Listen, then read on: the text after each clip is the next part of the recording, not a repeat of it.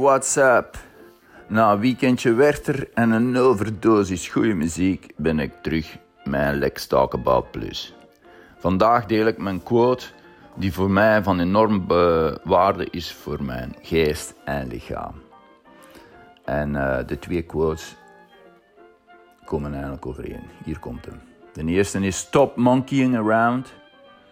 En de tweede is Don't stop monkeying around. Dus het een is voor de geest en de ander voor het lichaam. Hoe slechts één woord zo'n verschil kan maken. Voor de geest, iedereen kent dat of herkent dat, ik zeker, monkey chatter. Hoe stop ik dat zelfbeklag en negativiteit? Als er twee dingen zijn dat me afstoten bij mensen, dat is dat eigenlijk. Dat zagen, dat klaren, die negativiteit. En dat is waarschijnlijk omdat ik mezelf herken, omdat ik in een soort spiegel kijk.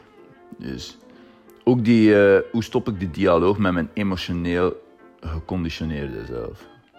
Met andere woorden, wat, wat is voor mij belangrijk? Wat doet ertoe? En alles draait hier om uh, zelfrespect. Dat is het gedeelte geest. Dus stop monkeying around.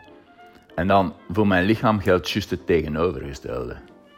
Don't stop monkeying around.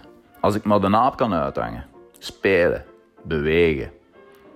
Of dat dan nou een groep is of alleen, maakt niet uit. Elk excuus om te bewegen is de goede. Want in mijn opinie is trainen een optie, maar bewegen essentieel. En dat meen ik echt, hè. Dus stop monkeying around is voor mijn geest. En don't stop monkeying around is voor mijn lichaam. Tot de volgende. Dag.